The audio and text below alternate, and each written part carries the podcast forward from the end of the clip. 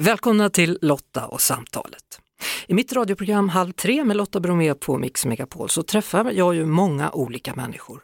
Och ibland så har jag förmånen att få träffa dem lite längre. I Lotta och samtalet får du höra hela mötet med några av mina gäster. Lite mer och extra allt helt enkelt. Och i det här samtalet så möter jag Mats Sundin, en av världens största och mest framgångsrika hockeyspelare genom tiderna.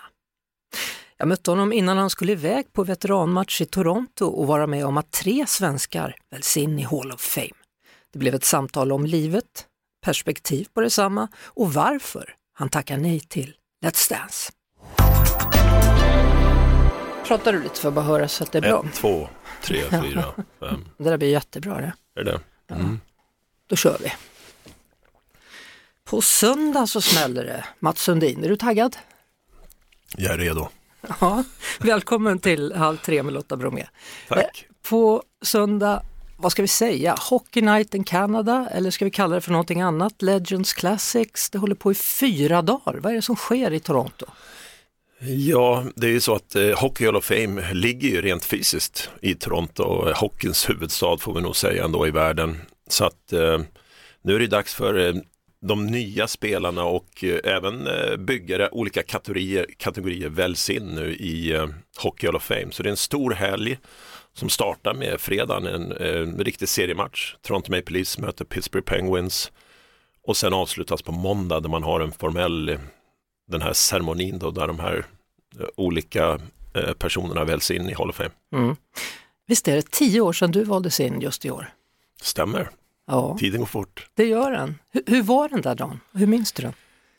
Ja, alltså det är otroligt stort och, och man tänker väl när man har eh, avslutat sin karriär att, att så är det inte så mycket man funderar på såklart om man ska få komma med i Hall of Fame eller inte. Men när man väl får ett samtal, det är en stor kommitté, jag tror att det är 25-30 personer ur hockeyindustrin, det är från media, det är gamla tränare, ledare, före detta spelare så måste man få 75% av rösten och det är hundratals spelare varje år som kan man säga är, är möjliga för val. Mm. Så att bli en av de fyra då är ju en, en fantastisk ändå eh, ja, ett erkännande för ens karriär och att man har eh, bidragit med någonting till, till ishockeyn i stort. Så det är en otroligt fin helg för de här som blir invalda. Och grejen var ju att vi hade en svensk invald innan dig och det var Börje Salming. Sen tog det ganska lång tid innan du kom och blev invald. Ja, och det där är väl, det får man titta tillbaks på, på svensk is också. Börje Salming var ju verkligen den som banade vägen kan man säga för europeer och för svenskar i NHL. Det var en väldigt eh, har varit en väldigt konservativ bransch i ishockeyn i Nordamerika. Man har varit rädd om sina egna jobb i Kanada och USA i NHL och så kommer det massa europeer och tar våra våra jobb som spelare. Mm. Och det var inte så populärt. Men Börje Salming var ju verkligen den som visade att, att eh, från Sverige kan vi spela väldigt fin ishockey. Han var en fantastisk ledare och en bra människa. Är. Och eh, det är väldigt, eh, väldigt, var väldigt uppskattat och det banade vägen kan man säga för den här generationen med Peter Forsberg och Lidström och några andra innan oss att, att komma till NHL. Mm. Du var väldigt rörd där när du tog emot det här. Ja, det, det, är, det är fantastiskt eh, som jag sa och jag vet inte, men det finns ju massa olika branscher som har den här typen av Hall of Fame så att säga, musik och det finns inom alla olika branscher. Men det, det är ett väldigt fint erkännande ändå för uh, det är så många kunniga människor som har följt ishockeyn under så många år som, som uh, nominerar och väljer de här personerna. Så det var väldigt kul och det är någonting man har med sig resten av livet också efter mm. hockeyn. Och sen så pensionerades din tröja också och skulle hissas upp i taket.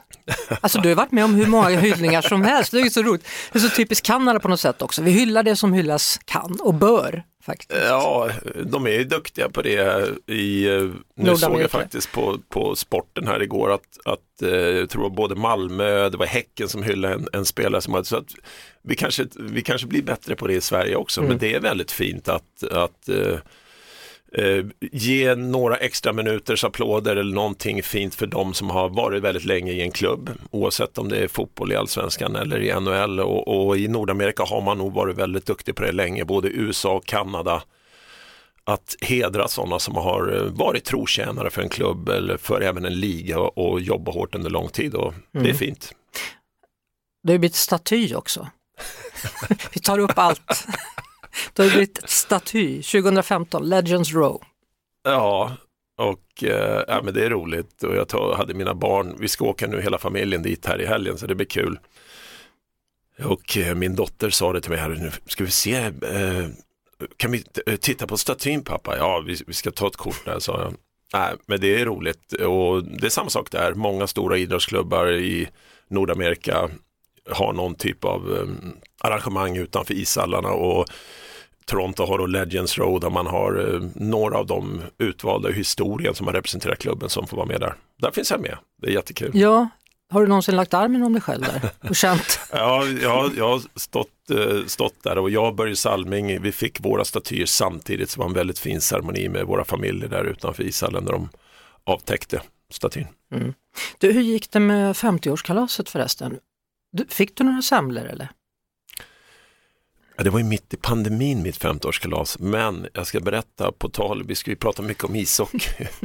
så låg jag i soffan hemma och det hade inte hänt så mycket och jag låg i, i mysbrallor och så ringer en, en, en kär granne och säger du, jag skulle behöva hjälp att åka upp till, till bensinmacken och hämta någonting och då tänkte jag direkt, det var liksom åtta en, en lördagkväll eller vad det var, det lät väldigt konstigt. Men då hade vi några grannar som hade ordnat faktiskt spolat isen ute på sjön utanför, det var i februari. De hade ritat eh, hockeylinjerna med röd linje, blå linje, full, eh, full is med matchställ och allting och så hade vi till och med en nationalsång där ute i, i februari då för, för ett tag sedan. Så att det var väldigt fint, så det var en hockeymatch på min, min 50 med, med, mm, eh, med vännerna. Väldigt lyckat. Ja, vad kul. Sluta tre på natten, gjorde hockeymatchen. Jaha, ja. Det är bra. det är bra. Fortsatte den inomhus hockeymatchen? Nej, nej, jag gjorde inte det. Utomhus. Till klockan isen. tre? Ja, det är bra. I februari? Ja, i februari. Men, men du är ganska van att vara ute på isen i, på vinterhalvåret kan ja, man säga. Absolut. Mm. Ja, men jag tänker på när du var liten, för visst var det en sjö precis där du bodde?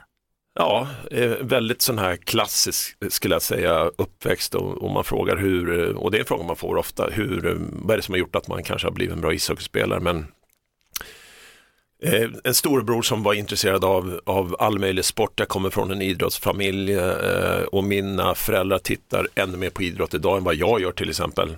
Men en nära tillgång till en sjö, där började jag åka skridskor, eh, spelat landhockey och hållit på med massa olika sporter i hela uppväxten och inte bara ishockey utan fotboll och bandy och allt möjligt. Så mycket lek som barn såklart, på is. Ja, så låg det, det låg någon sjö där du växte upp i Sollentuna, har förstått? Va? Ravalen heter sjön och, och, mina föräldrar bor kvar där ute i, i Sollentuna och eh, vi var ute på isen här med mina barn förra vintern. Vi hoppas det blir is i år igen mm. och det är ganska kul. Eh, men, men just den här spont spontaniteten, det som kanske saknas lite idag med barn och ungdomar som jag tror när vi växte upp var det vanligaste. Mm. Din pappa brukade skotta där? Banan. Han skottade och han har skottat han mycket och vi stod och väntade, vi stod och väntade på att banan skulle bli klar. Men hjälpte ni aldrig till att skotta? Ja, vi kan ha hjälpt till någon gång tror jag. Men det var ju väldigt fint då när liksom grannskapet på den tiden kom ner och du vet det var två kanaler på tv, det var ingen som, där satt mamma och pappa och då var det ut och leka på olika sätt. Mm. Och det, det bidrog väldigt mycket till min eh, karriär tror jag. Du är fascinerad av det här med, med arv och miljö och hur mycket man rör sig när man är liten, hur det påverkar en i vuxenlivet. Det är spännande. Sundin Fellowship tänker jag på. Ja, eh, och det var väl någonting när jag flyttade hem till Sverige, jag hade ändå fått ut så otroligt mycket av någonting som det fortfarande är för mig idag. Ishockey är en lek, det är en sport. Eh, och att, att jag fick ut så otroligt mycket av den och det gäller både finansiellt men på alla sätt erfarenheter, livserfarenheter och möten med människor och eh, på något sätt kunna ge tillbaks till eh, både i Kanada då, där jag spenderat hela min karriär i, i NHL, i, eh, men även till Stockholm där jag är uppvuxen. Och då har vi skapat ett Mats Sundin Fellowship med Karolinska institutet och med University Toronto. Och vi delar ut, nu har vi inte gjort under pandemin, men vi ska dela ut under de här närmsta 12 månaderna ett eh, Sundin Fellowship och det, då finansierar vi doktoranter, deras postdoc-studier och det är även ett utbytesprogram så den som får det här från KI får resa till eh, och göra sin postdoc-studie i University Toronto, mm. i, i, Toronto och vice versa. Och, och, det handlar just om det där, vad får vi för hälsa som vuxna och hur har vi haft det som barn? Ja, och, och, just mitt område, nu är vi fokuserade på de första 2000 dagarna i en människas liv. Det händer väldigt mycket då som påverkar oss resten av livet, alltså upp till man är fem år, levnadsmiljö och sånt. Och forskningen då, där vi försöker hitta våra doktoranter, ligger inom det området och det kan vara allt från eh, stamcellsforskning till någonting annat, men väldigt kul. Mm. Eh, det där med att, att besöka sjukhus och så, det hade de ju väldigt tydligt i Toronto och det har de i många idrottsgrupp, mm. eller i, i, idrottsklubbar i, mm. just eh, USA mm. och Kanada. Mm. Hur, hur, var det liksom att göra de här besöken på sjukhusen? Och jag, jag, vet att man har blivit bra med det i, i Sverige också. Jag vet att Djurgården eh, Hockey gör sådana besök och säkert andra föreningar också. Mm. Men det var väldigt bra tror jag för unga eh, killar som vi var när man spelade NHL, man är mellan 20 och 35 tjäna väldigt mycket pengar eh, så var klubbarna väldigt duktiga på att se till så att man också tog ett socialt ansvar och var ute och träffade människor i samhället. Det kan ha varit skolor i, eh, i områden med mindre, mindre förutsättningar för ishockey eller barnsjukhus. Mm. Så jag hade en nära relation med Sick Kids Hospital som är ett stort barnsjukhus i, i Toronto.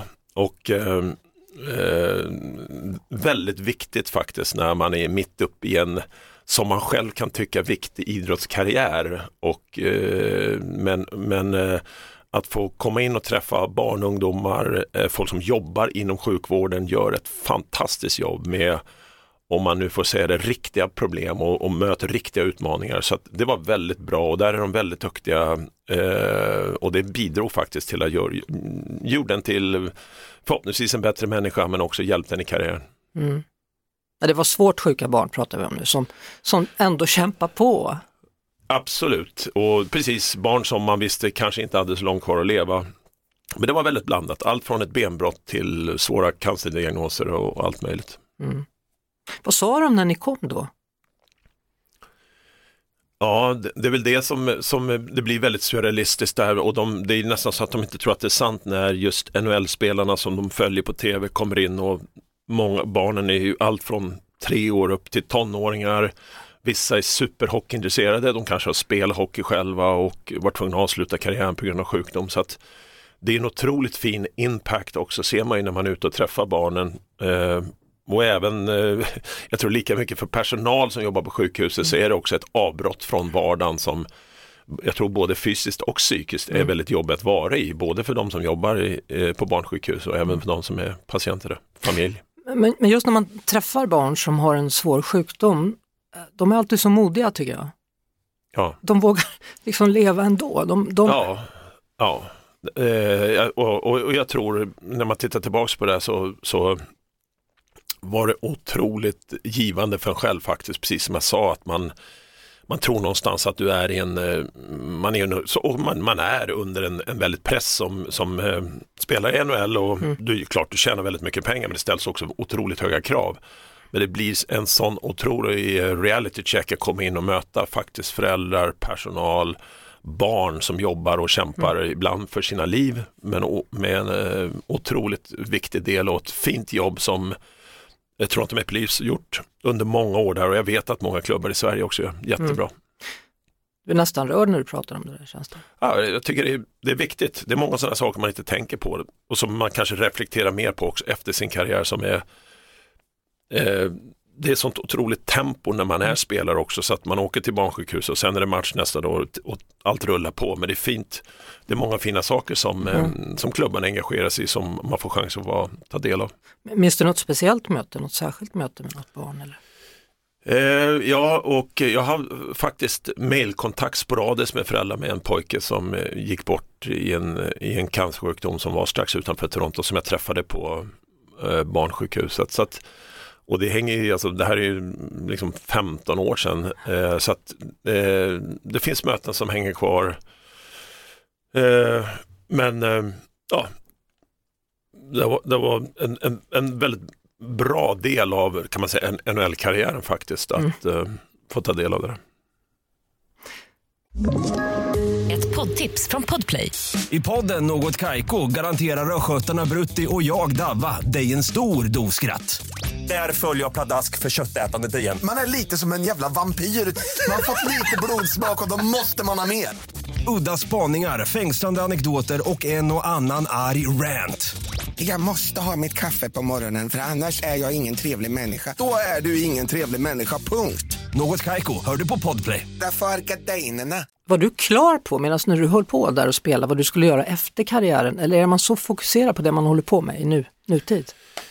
Nej, det, det var jag absolut inte. Utan eh, jag tror när man börjar mot slutet på karriären, när man kommer över 35, då börjar man ändå inse i, eh, vad ska man säga, professionell idrott för, för kvinnor och män. Vi har liksom ett litet ett fönster så att säga som är karriären rent biologiskt.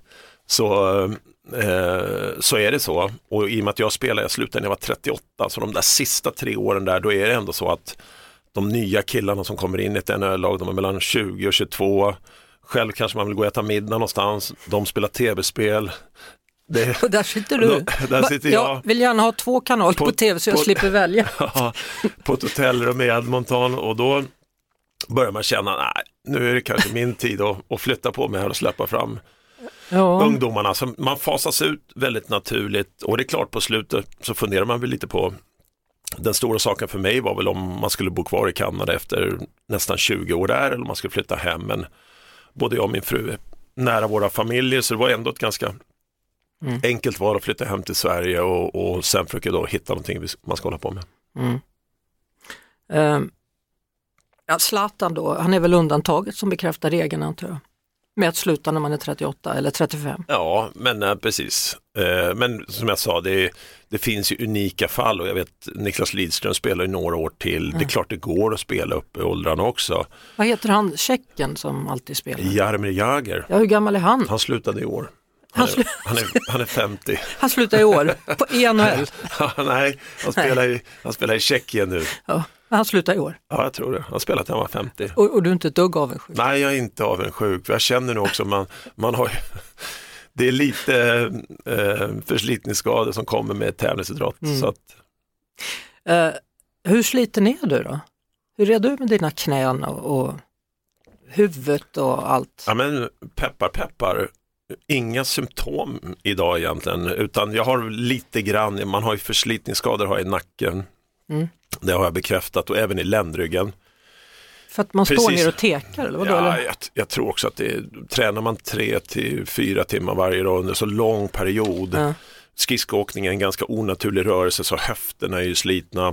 Eh, så att allmänt sånt, jag har lite nedsatt syn på vänster öga. Om du ser det så sitter också vänster öga, det har liksom åkt ner lite i okbenet. Eh, fick en fått en puck puck? där under karriären. Oj, Eh, men vi hade ändå tur under min karriär att det var ingenting som hotade karriären så att säga av de skadorna jag hade. Men man inser ju nu efter när karriären är slut så inser du snabbt att det är ingen friskvård att, att hålla på med eh, Elit- professionell, nej, elitidrott, det brukar jag säga, utan det, det är klart att det blir en, eh, du sliter mer på leder, Mm. knän, höfter, axlar, nacke och sådär. så, så hur tränade du inför matchen på söndag nu då? Jag har faktiskt åkt på Ritorp nu tre, fyra gånger här. För jag har inte varit på is på, på några år här nu, men nu tänkte jag att jag måste vässa formen lite här när jag ska Hur var det eh, då? spela. Det kändes bra. Det kändes faktiskt, det är lite som, har man spelat så mycket ishockey som jag har gjort, det är lite som att simma eller sådär, där det sitter i. Cykla liksom, Ja. har man en gång lärt sig så bara... Så är det.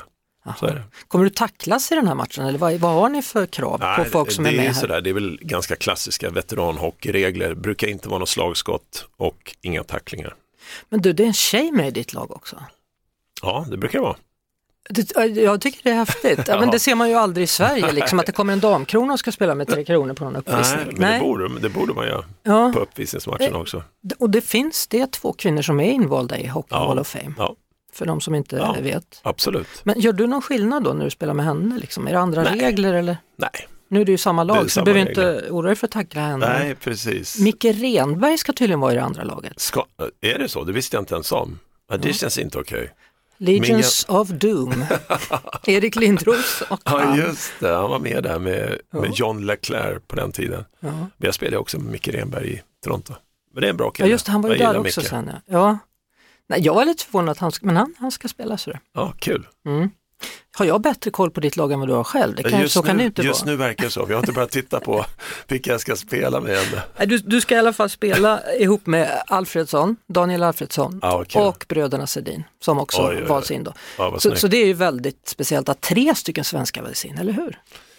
Ja, det är helt, helt unikt och det, det kommer nog aldrig, man ska väl aldrig säga aldrig, men det kan dröja innan det sker igen. Och så den nästa som är på tur är ju, som kommer väljas in, det är Henrik, Henrik Lundqvist såklart. Men att ha tre stycken vid samma tillfälle är fantastiskt. Tre otroligt fina karriärer och jag har haft turen att spela med både bröderna Sedin i Vancouver, kort i avslutning på min karriär. Men i, eh, i landslaget såklart och, och jättekul för Daniel Alfredsson som har varit kan man säga Ottawas eh, huvudstaden i Kanada. Han har ju varit den viktigaste spelaren där under en väldigt lång tid som lagkapten. Haft en fantastisk karriär så att eh, det ska bli en jättekul helg.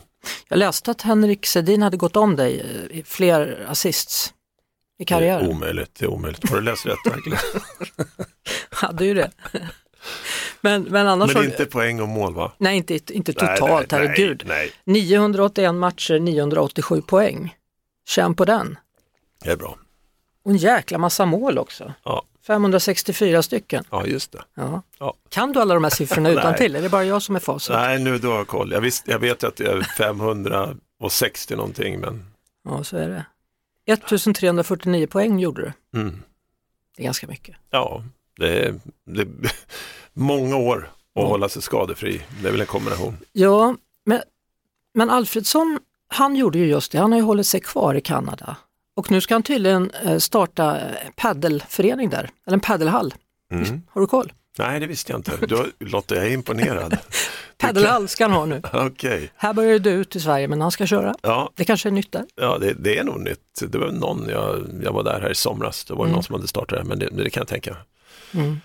Men, men eh, Daniel Alfredsson i Sverige, precis som vi pratade om det, han är inte så liksom känd på det sättet, men, men eh, i, i Kanadas huvudstad och, och vad han har gjort för Ottawa Senators som under en period hade, han hade Marion Hossa och han hade en annan duktig spelare, Jason Spetsa. De hade ju verkligen ett av topplagen på Mm. i NHL under en lång period. Förlorade ju även i en Stanley Cup-final mot Anaheim. Han var väldigt nära att vinna Stanley Cup. Och det som är bra egentligen där är väl att under fyra år så hade vi ett otroligt, det kallades för eh, Battle of Ontario och det är provinsen i Kanada, slaget om Ontario och det var vi, Toronto Maple Leafs mot dem. Vi förlorade mot dem alltid i grundserien, men vi slog dem alltid i slutspelet. Fyra år. Så jag ska ta upp det med nu när jag träffar Jag honom. tycker du ska. Men, men, men, men vad är det med Toronto? Ibland är det som det är en liten förbannelse för de går till slutspelet och, och sen så var det slut. Ja, och det är konstigt hur det kan vara. Eh, Toronto har inte vunnit Stanley Cup sedan 1967. Om du tittar på rent ekonomiska förutsättningar så har de de bästa i hela NHL. Mm. Men eh, man har inte lyckats riktigt eh, sportsligt eh, hela vägen. Vi var i semifinal två gånger när, när det förlorade i, i sjätte matchen i båda tillfällen tror jag. Eh, men men eh, det är otroligt små marginaler, men det är ofta så också att det bästa laget vinner Stanley Cup till slut. Och i ishockey, precis som i många andra sporter, så handlar det om att ha ett komplett lag, det vill säga att du måste ha en målvakt som är väldigt duktig, en, en toppmålvakt, du måste ha backar som motsvarar det också och sen forward. Så nu tycker jag ändå Toronto har ett ungt, väldigt starkt lag och nu har de väldigt fina förutsättningar under, under de närmsta tio åren Mm. att kunna bygga en vinnare. Så att det är bara att de eh, matar på här så kommer de få chansen. En annan du har spelat med ska du spela med igen på söndag också. Eh, Roberto Luongo. Ja, Ja, han är med i ditt lag. Han är med och blir Målvakt. invald. Han Ja. blir invald, eh, precis spelade jag kort med då i, i Vancouver och en av Kanadas, varit landslagsmålvakt för Kanada och vunnit OS-turneringar och VM och allt möjligt. En otroligt duktig spelare. Mm. Det här med att, att du bara har spelat för kanadensiska klubbar. Varför är det så? Det är en slump. Första var Quebec va? Ja, fyra år i Quebec, tre år i Toronto, eller 13 år i Toronto, förlåt. Och sen eh, avslutade jag i Vancouver. Ja, det, är en, det är en ren slump. Det blev så för mig. Mm. Eh, Jag var draftad av, av Quebec och sen eh, eh, hamnade jag i Toronto och sen avslutade jag Vancouver. Så det, det var en ren slump att det blev Kanada. Jag är otroligt glad för det, för Kanada, ja, som du vet, ishockeyn är ju, det är liksom Kanadas nationalsport. Mm. Så jag är väldigt glad att jag fått spela där istället för vissa städer i USA där ishockeyn kanske inte är så viktig. Man tänker på mm. Ja, men det finns städer som Carolina där andra sporter är mycket, mycket större i USA. Så att det, det har varit väldigt kul att vara i Kanada. Visst gjorde de om Quebec till ett annat lag? Quebec blev Colorado. Ja, så det är därför Forsberg hamnade yes. i Colorado? Yes. Men inte du? Nej. Nej. Eh, och, och sen då, när du har varit i Toronto så jättelänge och börjar se slutet på karriären, så, så väljer du att gå till Vancouver. Hur tänkte du då? Ja, hur tänkte jag då? Toronto var ju en, en, eh, eller vi var i en situation i min sista säsong där, där vi var på gränsen att ta oss till slutspel och eh, min, min huvudtanke var nog ändå att vilja avsluta min karriär med Toronto som jag hade spelat så många år i. Eh, men eh, säsongen var slut, vi missade slutspel med två eller tre poäng min, mitt sista år med Toronto Maple Leafs och jag hade nästan bestämt mig att nu, nu slutar jag med ishockey. Och så gick sommaren och sen fick jag ett väldigt fint erbjudande under sommaren och då blir man som det heter unrestricted free agent. Det betyder att vilken klubb som helst kan höra av sig och fråga Mats, vill du komma och spela med oss? Man har inga restriktioner var man ska gå. Och då hörde Vancouver av sig och då tackade jag först nej. Eh, men sen när hösten började och det var, vi var kanske framme vid den här tiden, oktober, november, då, då kände jag att jag kanske ändå ska försöka prova att spela med ett lag som också har chans att vinna Stanley Cup. Så att då tackade jag och så började jag i januari så det blev ju bara en halv säsong med Vancouver. Mm. Eh, och där gick det lite trögt då? Det gick trögt under, Vancouver hade ju ett väldigt bra lag. De, eh, vi var topp 6 tror jag i ligan mm. i poängmässigt. Vi vann den första rundan i slutspelet, vi förlorade i andra mot Chicago tror jag som gick till final. Mm.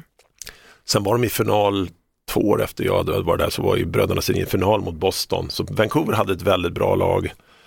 Det var en trög start för mig och man inser att som 37-åring komma in och hoppa in mitt i en säsong är inte lätt heller. Säsongen har pågått sex månader. Men, men, känner... men sen gick det bra i slutspelet. Ja, ska jag säga. Så slutspelet sen mm. när det kom igång så kändes det som att jag hade hunnit fatt så att säga. Men, men hur kändes det den perioden? För det är ju ganska tufft där när det är kritik. Ja Eh, jag vet inte. Eh, det är ju så, och är det någonting man har lärt sig under de här åren i, i NHL som spelare så är det eh, det är upp och ner, om man säger medialt. Och någonstans mitt förhållningssätt under alla år i, i Toronto som lagkapten och, och eh, så är väl sanningen någonstans alltid i mitten men eh, det, antingen så har du ett lag som ska vinna Stanley Cup eller så är man inte vattenvärd. Och där någonstans emellan pendlar ju då, kan man säga, historien om Toronto Maple Leafs i, i under en säsong och det är ju mm. olika varje vecka. Med sanningen i mitten. Så det, nej, men jag har väl alltid haft en strategi under hela min karriär, oavsett om det varit väldigt bra kritik eller dålig, att försöka tänka på vad har jag gjort som spelare, vad är det jag står för och jag vet vem jag är där. Mm. Och sen inte försöka följa, det har varit en, en strategi jag hade hela min karriär, jag har inte följt vad som skrivs, eh, sägs, talas om en i media. Och hade, man gjort det under, hade jag gjort det under Toronto hade jag aldrig kunnat vara där i 13 år för det är ett konstant eh, fem radiokanaler och det är fem tv-kanaler och det är 30-40 journalister man träffar varje dag. Och då hade man nog blivit galen. ja, men, men om, om vi, vi, byter ut journalisterna, mm. som oftast är de som trackar mm. kanske, eh, och så går vi in på, spel, eller på fansen istället. Ja. För de har du ju knappast haft något problem med. Du, du är ju levan, du är en legendar där. Ja, men, eh, ja, men, men det, jag skulle säga att det, det är nog en ändå en kombination för att när ett lag förlorar och det är väl många som inte tänker det på det tror jag, men det, det är ju tungt och det är speciellt komplicerat. Det är också en anledning varför Toronto har svårt att bygga en, ett lag som över tid utmanar om Stanley Cup det är väldigt dåligt tålamod i och med att det är sånt enormt intresse för laget som man väldigt svårt att acceptera att det kan ta några år. Både som fans eh, och självklart eh, media som följer laget. Det tycker jag man ändå har nu. Nu finns det en mm. långsiktighet där. Och, eh, eh, men, men det är klart att det är enklare om du är i Tampa eller om du är i Carolina där du kan gå dåligt i tre månader och du kan missa slutspel i två år. Men du behöver inte göra så stora förändringar i laget. Går det mm. dåligt i Toronto, då ska spelarna bort, general managern ska sparkas, tränaren måste bort och då är det väldigt svårt att få kontinuitet. Ja, herregud. Mm. Ett poddtips från Podplay. I fallen jag aldrig glömmer djupdyker Hasse Aro i arbetet bakom några av Sveriges mest uppseendeväckande brottsutredningar. Går vi in med hemlig telefonavlyssning och, och då upplever vi att vi får en total förändring av hans beteende. Vad är det som händer nu? Vem är det som läcker? Och så säger han att jag är kriminell, jag har varit kriminell i hela mitt liv men att mörda ett barn, där går min gräns. Nya säsongen av Fallen jag aldrig glömmer på Podplay. Du har skjutit någon älg i år förresten? Ja, vi har varit på älgjakt. Ja, hur gick det, det då? fantastiskt. Vi har skjutit en älg faktiskt uppe i, i Tornedalen. Så nu har vi eh, älgkött i frysen här så barnen är nöjda. Det blir köttfärs. Men kom det ingen vildsvin farande? Nej, inga vildsvin. Där uppe i Tornedalen så trivs inte De vildsvinen. har inte kommit så långt upp än, de är på väg. Ja, de är nog på väg upp Ja. längs kusten men Ja. eh, det dröjer nog några år innan de tar sig till. Tornedalen. Och då ska jag fråga dig den här frågan och då ska du svara mig. Hur, hur många taggar hade den? Den hade inga taggar, för det Oj. var en eh, kviga, ett ungt hondjur. Ja. Men, eh, och som jag sa, jag, jag, eh, när man har kommit hem, jag har ju mycket jakt i min släkt uppe från Norrbotten, Mm. men eh, det är en otroligt fin helhet med jakten för att när du väl har skjutit djur sådär så eh, tar du hand om hela kroppen. Det är bara man, man, det enda som man inte tar hand om är benen i stort sett. Sen har du ju allt från älgfärs till olika typer av, Mm. av kött som vi äter med familjen och, och barnen hela vintern. Så det är väldigt fint. Men har du någonsin stoppat upp ett älghuvud har på väggen? Nej, det har jag inte gjort. Är du ledsen för att du aldrig vann Stanley Cup? Nej, det är jag inte. Eh, jag- det, är, det, är klart som, det är klart alla vill, man vill ju vinna alla de här olika stora mästerskapen. Du har vunnit jag- VM och OS, det är ganska få vunnit- förunnat. Ja, precis. Och jag har fått, framförallt har jag fått ut allt vi har pratat om egentligen och, och den här helgen vi ska på nu. Jag har fått ut så otroligt mycket Mm. av en, någonting som har varit min hobby. En lek, ishockey som det fortfarande är idag. Eh, fast det är väldigt mycket press och krav runt omkring det på högsta nivån. Mm. Så jag är otroligt tacksam för, för hela min karriär. Men hur går det med dina barn här?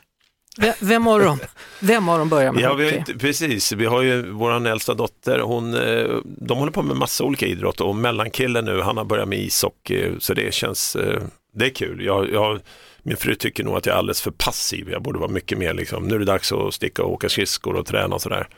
Men barn måste få leka sig fram så att de får Mm. prova på allt möjligt, det är allt från piano till eh, sjunga kör till ishockey och sen är det, nå, det är basket och det är Mm. Fotboll och allt möjligt. Du, din dotter, äldste dotter, Mm. snodde du min dotters namn där eller? Är det så? Hon heter ju Bonnie. Nej, Jo, vad kul, det Bonnie. Bromé och Bonnie Sundin.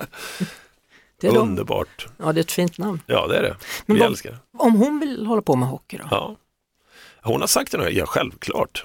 Hon håller på med hockey. Barnen de kommer få hålla på med precis det de vill. Bara de, jag tror att det viktigaste är väl att de, att de hittar någonting som de brinner lite för och tycker är kul. Mm. Det är också ett enda sätt att utvecklas på ett bra sätt.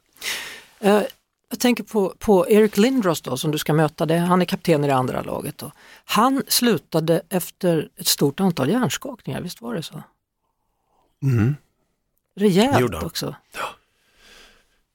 Ja, och Erik Lindros är ju, det kanske är många som inte vet, men han var ju verkligen sedan han var kanske 12-årsåldern den nästa stora, riktiga superstjärnan. Om man visste att han skulle bli i stort sett lika bra som eh, Wayne Gretzky eller Mary Lemieux som man tittar nu i USA är de största stjärnorna som har spelats. Men eh, precis som du säger och hade en fantastisk start i NHL. Men hans karriär vart ju lite för kort kan man säga.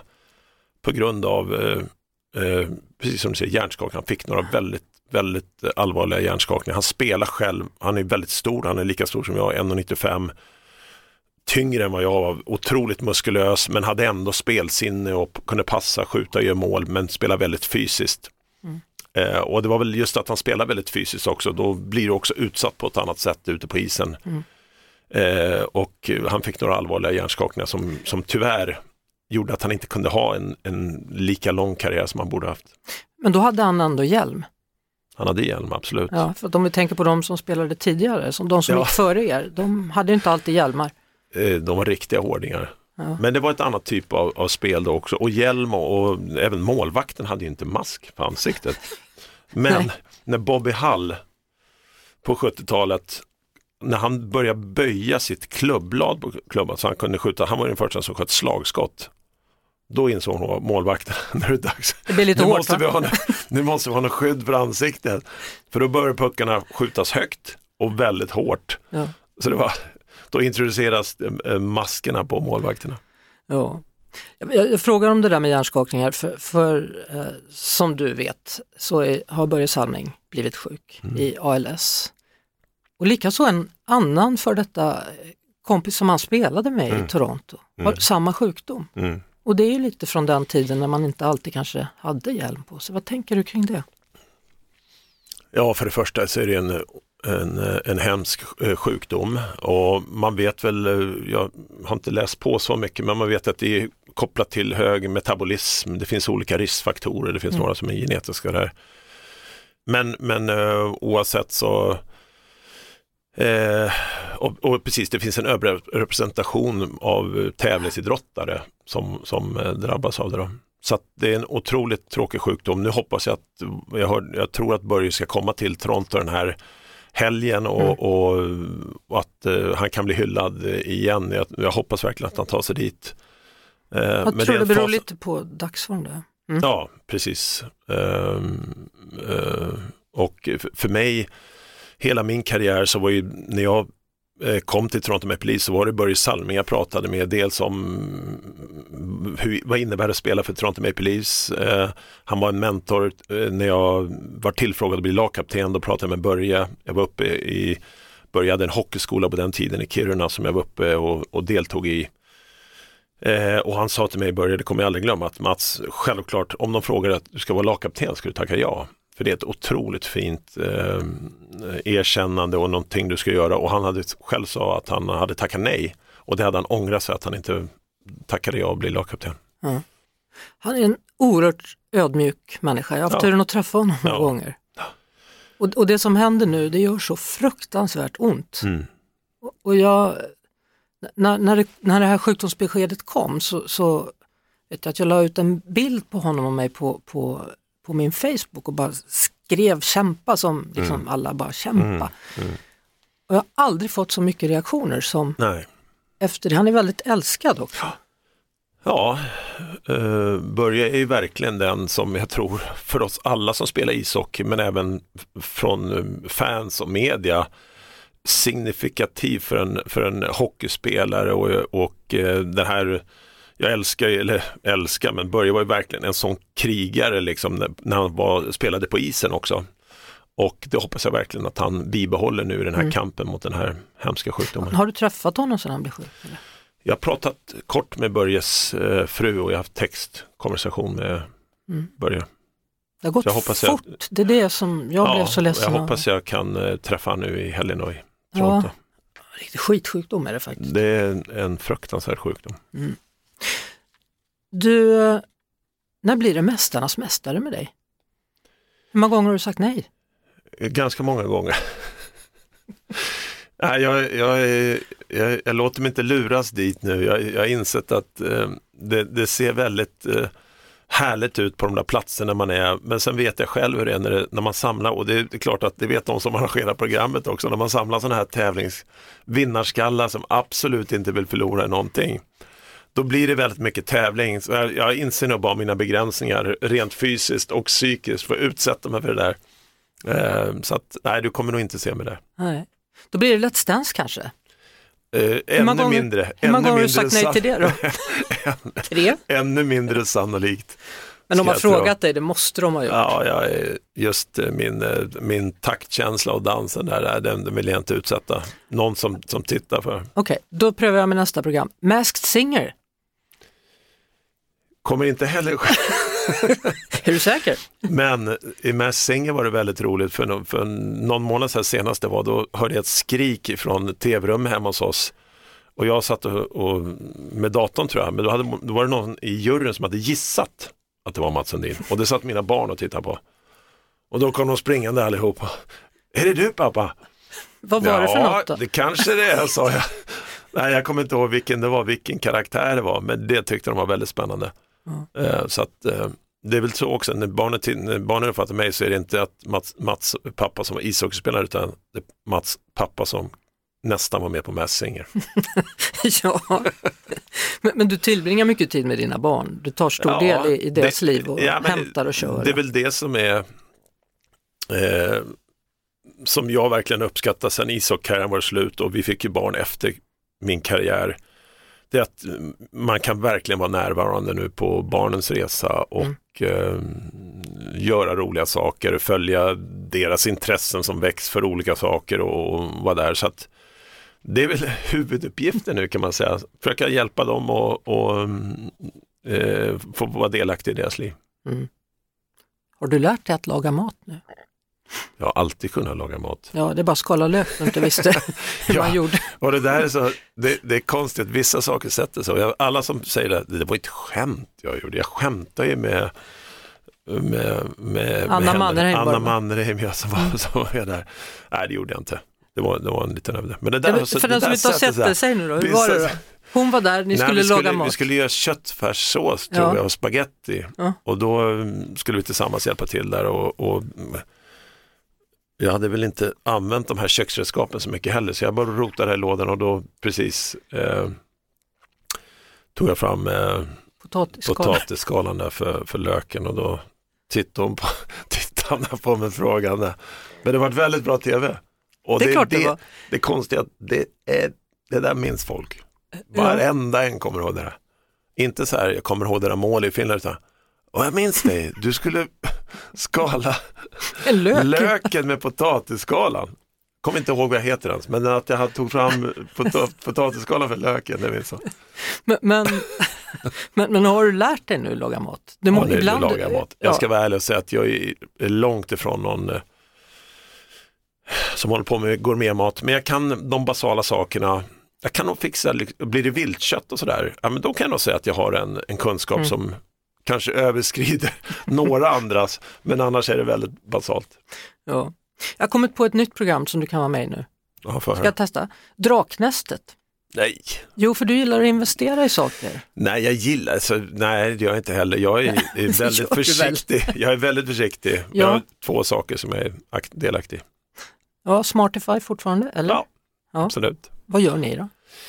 Ja, precis och jag är inte operativ på något sätt. Det var ett, ett bolag som jag var med och grundade 2007. Vi har personliga tekniker som finns i, i hela Sverige och hjälper med installationer, hemsupport runt IT-tjänster. Så det är allt från att hjälpa eh, kunder att sätta upp eh, storbilds-tv och koppla upp dem till routers till Ja. larm, alla möjliga saker. Sådana så man skulle behöva ha hemma? Precis. Så, då, det finns... så ringer jag dig? Ja, nej, inte mig. Hur är du på sånt? Jag... Internet och telefoner och Instagram nej, och Twitter? Och... Jag, jag har inga sociala medier nej. överhuvudtaget. Eh, så att, eh, men telefoner, jag, alltså jag är väldigt dålig generellt. Är du bra på att hjälpa barnen med läxorna då? Ja, det gör min fru mestadels. Mm. Men jag eh, gör mycket av de andra sakerna, liksom eh, körningar, mm. tar dem till aktiviteter. Eh, så vi, jag tycker ändå vi växeldrar bra där. Men, men, läser du fortfarande historiska romaner, är det så? Jag är lite fascinerad av historia. Jag läste precis klart eh, en eh, bok eh, om Charles Lindbergh. Mm. Mannen som flög. Ja. ja, precis och vilken, att han var, att han var USAs största kändis under en period och sen vart uh, gick från, vad heter titeln nu, från Jesus till Judas heter den om han, en, en svensk som har skrivit hans bok då. Väldigt konstiga politiska åsikter där i slutet mm. efter, efter sin uh, stora flygning. Sen har du väl, sen, Ja, och sen har jag snöat in lite på Finland och, och läst lite om eh, vårt kära grannland och deras eh, kamp mot, mot eh, Sovjet på den tiden och under andra världskriget och, och eh, eh, allt de har gått igenom var lite fascinerande. Nej, men det är spännande, jag tycker också historia, ibland är det väldigt bra att gå tillbaka och titta på historien för mycket upprepas också när man tittar på rent politiskt också och, och krig och allt möjligt. Va? Så är det, gamla saker som, som faktiskt kommer tillbaka. Ja, blir inte du nojig nu då? Om du tittar på hur världen ser ut? Alltså det är inte klokt, det, det, det är rörigt överallt. Ja, Eh, och eh, jag tänkte säga, jag vet inte om det, det har väl inte alltid varit så, men det är klart för oss blir det väl nu när det är en det är väl krig någonstans i världen har det varit konstant under en lång period. Men det är klart att vi reagerar lite extra nu när det börjar komma lite närmare våra mm. trakter här på, på jorden. Så att det är klart väldigt obehagligt. Och mm. hur, hur, pratar du med dina barn om det? Ja, vi, jag vet inte om vi pratar så mycket om just det egentligen utan eh, jag tänker väl att barn ska få vara barn och ju längre man kan hålla dem borta från den typen av saker så kanske ju bättre är det. Vi kanske borde prata med det mer men, men det har varit så, vi har inte pratat så mycket om det. Mm. Eh, vem brukar vara jultomte hemma hos dig? Det brukar variera beroende på lite vart vi är. Förra året firade vi jul uppe i Tornedalen. Eh, då hade vi en granne där Eh, vi får se vart vi ska i år men vi försöker hitta någon och försöker helst hitta någon som inte är Ja, du. Familj, ja, inte jag. Och ingen annan som måste lämna för att köpa tidningen. Det är väldigt bra om man kan hitta någon. För nu har barnen blivit så gamla så de, de räknar in så att alla är där också. Ja, de sitter då. Ja, de har, de har, börjat, de har börjat syna det där nu att det där var ingen, pappa det var ingen riktig tomte. Han hade en mask på sig. Ah, alltså. Jag kommer när min, när min dotter Bonnie eh, var, var liten och så, så, och så kom tomten och så delade ut lite julklappar. Så säger, säger de så här, konstigt, tomten lät som pappa, det var jättelikt. det var konstigt. Ja, det var konstigt. Men, men var helt övertygad om att det var tomten som ja. hade varit där. Liksom. Ja. Så hon ställde ut en tallrik gröt och så efteråt han hade varit där. Ja. Det var så konstigt, han lät som pappa. Just den här, du vet. Ja. Apropå, Underbart. Eh, ja. Apropå historia. 100 år fyller hockeyn och ska firas. Eller? I Sverige, yes. Mm. 100-årsjubileum för Svenska ishockeyförbundet. Det blir nästa vecka det va? Det är nästa vecka, mm. 17 va? Mm. Vad tänker du? Ja, ja men det är, en, det är fantastiskt att det har varit med så länge och jag tänker vi här uppe i Norden som är eh, uppväxta med mörka långa vintrar eh, och jag går tillbaka till min egen barndom, var det någonting som fick en engagerad och fick en att leva upp och väckte känslor så var det ju idrott. Mm. Och hockey var ju för vår familj mycket, men vi tittar på allt från fotboll till friidrott till allting, kvinnor och män som spelar. Eh, så att, eh, och jag tror därför också, kanske ishockeyn är stor i Sverige, men all sport någonstans, vi människor behöver det för, för att liva upp vardagen. Och jag brukar också säga att livet, varför, varför min fru till exempel är inte lika idrottsintresserad som jag, men det är liksom alla livets känslor eh, förpackade i 60 minuter av ishockey. Det är hopp, det är, det är förtvivlan, det är kärlek, det är glädje, det är sorg. Allt för att uppleva paketerat i 60 minuter. Det är mm. därför människor gillar Ja, och, och sen så tror jag också att man, man kan hålla på samma sak. Du, du nämnde förut, du sa det var på den tiden det bara fanns två kanaler nu kan man i alla fall hålla på samma lag som någon annan och man har sett samma match. Och, du vet, man, kan, man har något att prata om. Ja, Förstår du vad jag menar? För, för, nu är det så här, har du sett det programmet? Nej, det har jag inte. Nej, och har, har du? Nej, inte du. Nej. Men du har det? Ja, kul. Och så, men du vet sådär, det är svårt ja. att hitta referenspunkter. Så är det. Eh, så att, eh, men, men eh, som jag sa, men däremot tror jag att ishockeyn Eh, precis som många andra sporter, men hockeyn i Sverige har inte direkt vuxit tror jag vad det gäller registrerade ishockeyspelare sedan 80-talet. Vi är fortfarande otroligt, där ska ishockeyförbundet ha en stor kredit de senaste 20 åren, eh, 30 åren att få fram väldigt duktiga eh, tjejer och killar som, som tävlar på absolut yttersta nivå, trots mm. att vi är så litet land. Men det är ingen självklarhet att det kommer vara så i framtiden. Så att jag vet att jag, vill, jag, tycker, jag brukar alltid nämna Tommy Bostedt som var, eh, som jag hade som tränare i början på 90-talet, men som sen var en otroligt stark drivande kraft i Hockeyförbundet med en röd tråd från Hockeyförbundet ut i alla gräsrötsföreningar i ishockeyn som många andra idrotter i, i, i Sverige inte har och det är därför hockeyn har varit duktiga på att varje år så ser man, oj, en ny 18-åring som är en av de bästa i världen. Mm. Så det där måste ishockeyn bibehålla. Jag läste en artikel igår som, som var ganska eh, kritisk eller ifrågasatte just svensk hockeys framtid och det pratades om TV-pucken och mm. att det mm. hade blivit alldeles för fokuserat kring det och mm. föräldrar som blev hotade eller som hotade tränare när barnen inte kom med och du vet, läste du den? Det var en ganska lång artikel igår. Jag såg den inte, på tal om att det är sånt brus nu Mm, med media. brus. Ja. Men eh, man kan väl säga att för, för min egen del så är ju TV-pucken, och det är då min egen relation, det här var 1986, men det var en, en, eh, en väldigt fin del av min ishockeyuppfostran. Det var första gången jag kom i kontakt med att jag kommer ihåg semifinalen när oj, nu är det tv-apparater på läktaren. Nu kan kompisarna i skolan titta på den här matchen. Mm. Det har jag inga problem med. Eh, sen får det ju tyvärr idag börjar det bli så mycket pengar inom professionell idrott och föräldrar med väldigt fel förväntningar och förhoppningar om vad det här handlar om egentligen.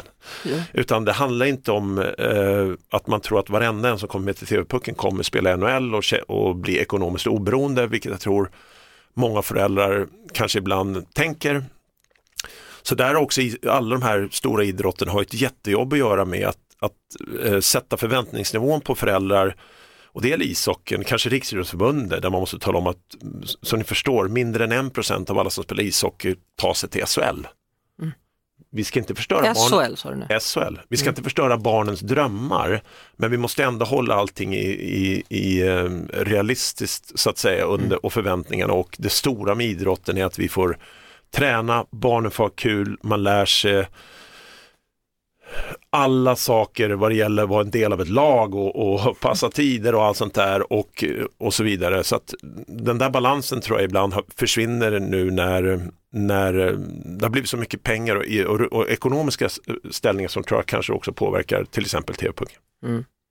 Men, men jag tänker att dina föräldrar måste väl ändå vara någon form av förebilder för hur man är en bra idrottsförälder, eller?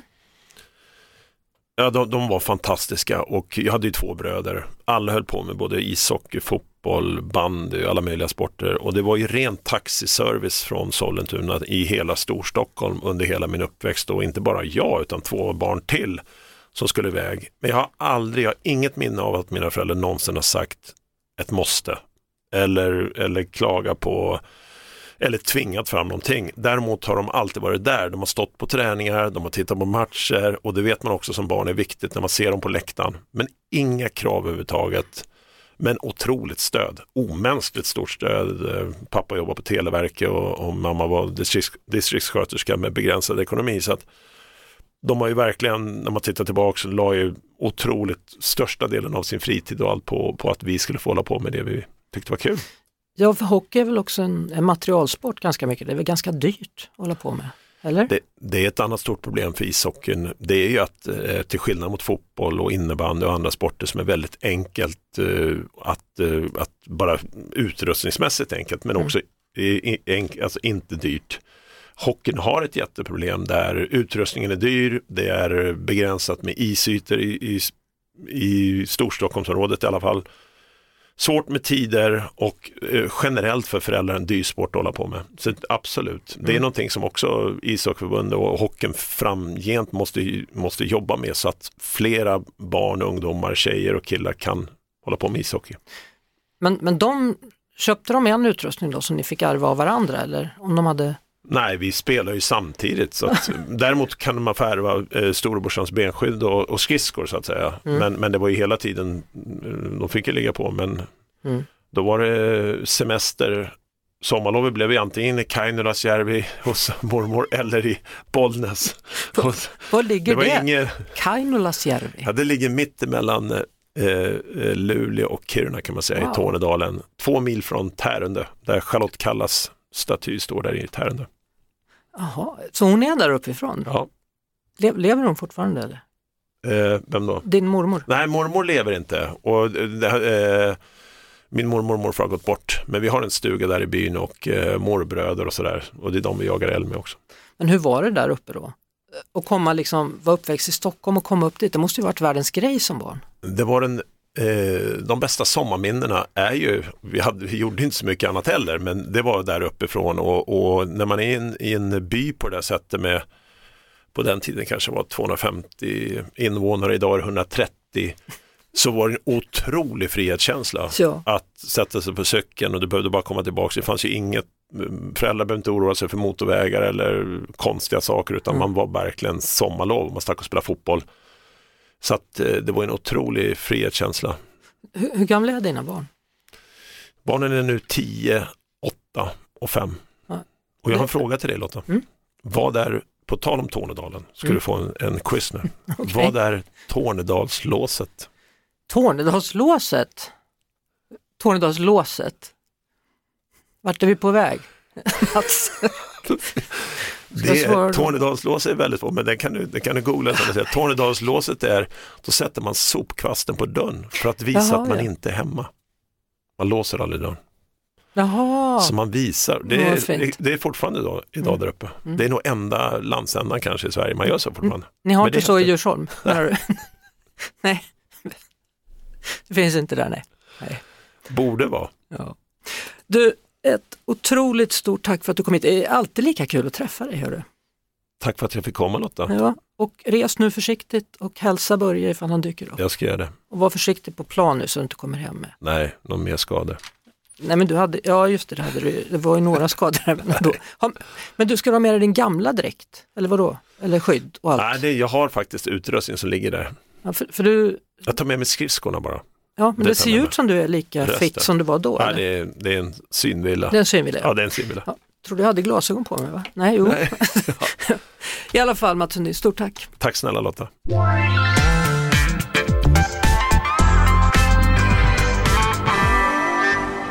Tack för att du lyssnat på Lotta och samtalet. Vi hörs halv tre måndag till fredag på Mix Megapol. Ett poddtips från Podplay. I podden Något Kaiko garanterar östgötarna Brutti och jag, Davva, dig en stor dos skratt. Där följer jag pladask för köttätandet igen. Man är lite som en jävla vampyr. Man har fått lite blodsmak och då måste man ha mer. Udda spaningar, fängslande anekdoter och en och annan arg rant. Jag måste ha mitt kaffe på morgonen för annars är jag ingen trevlig människa. Då är du ingen trevlig människa, punkt. Något Kaiko, hör du på Podplay. Därför arkadeinerna.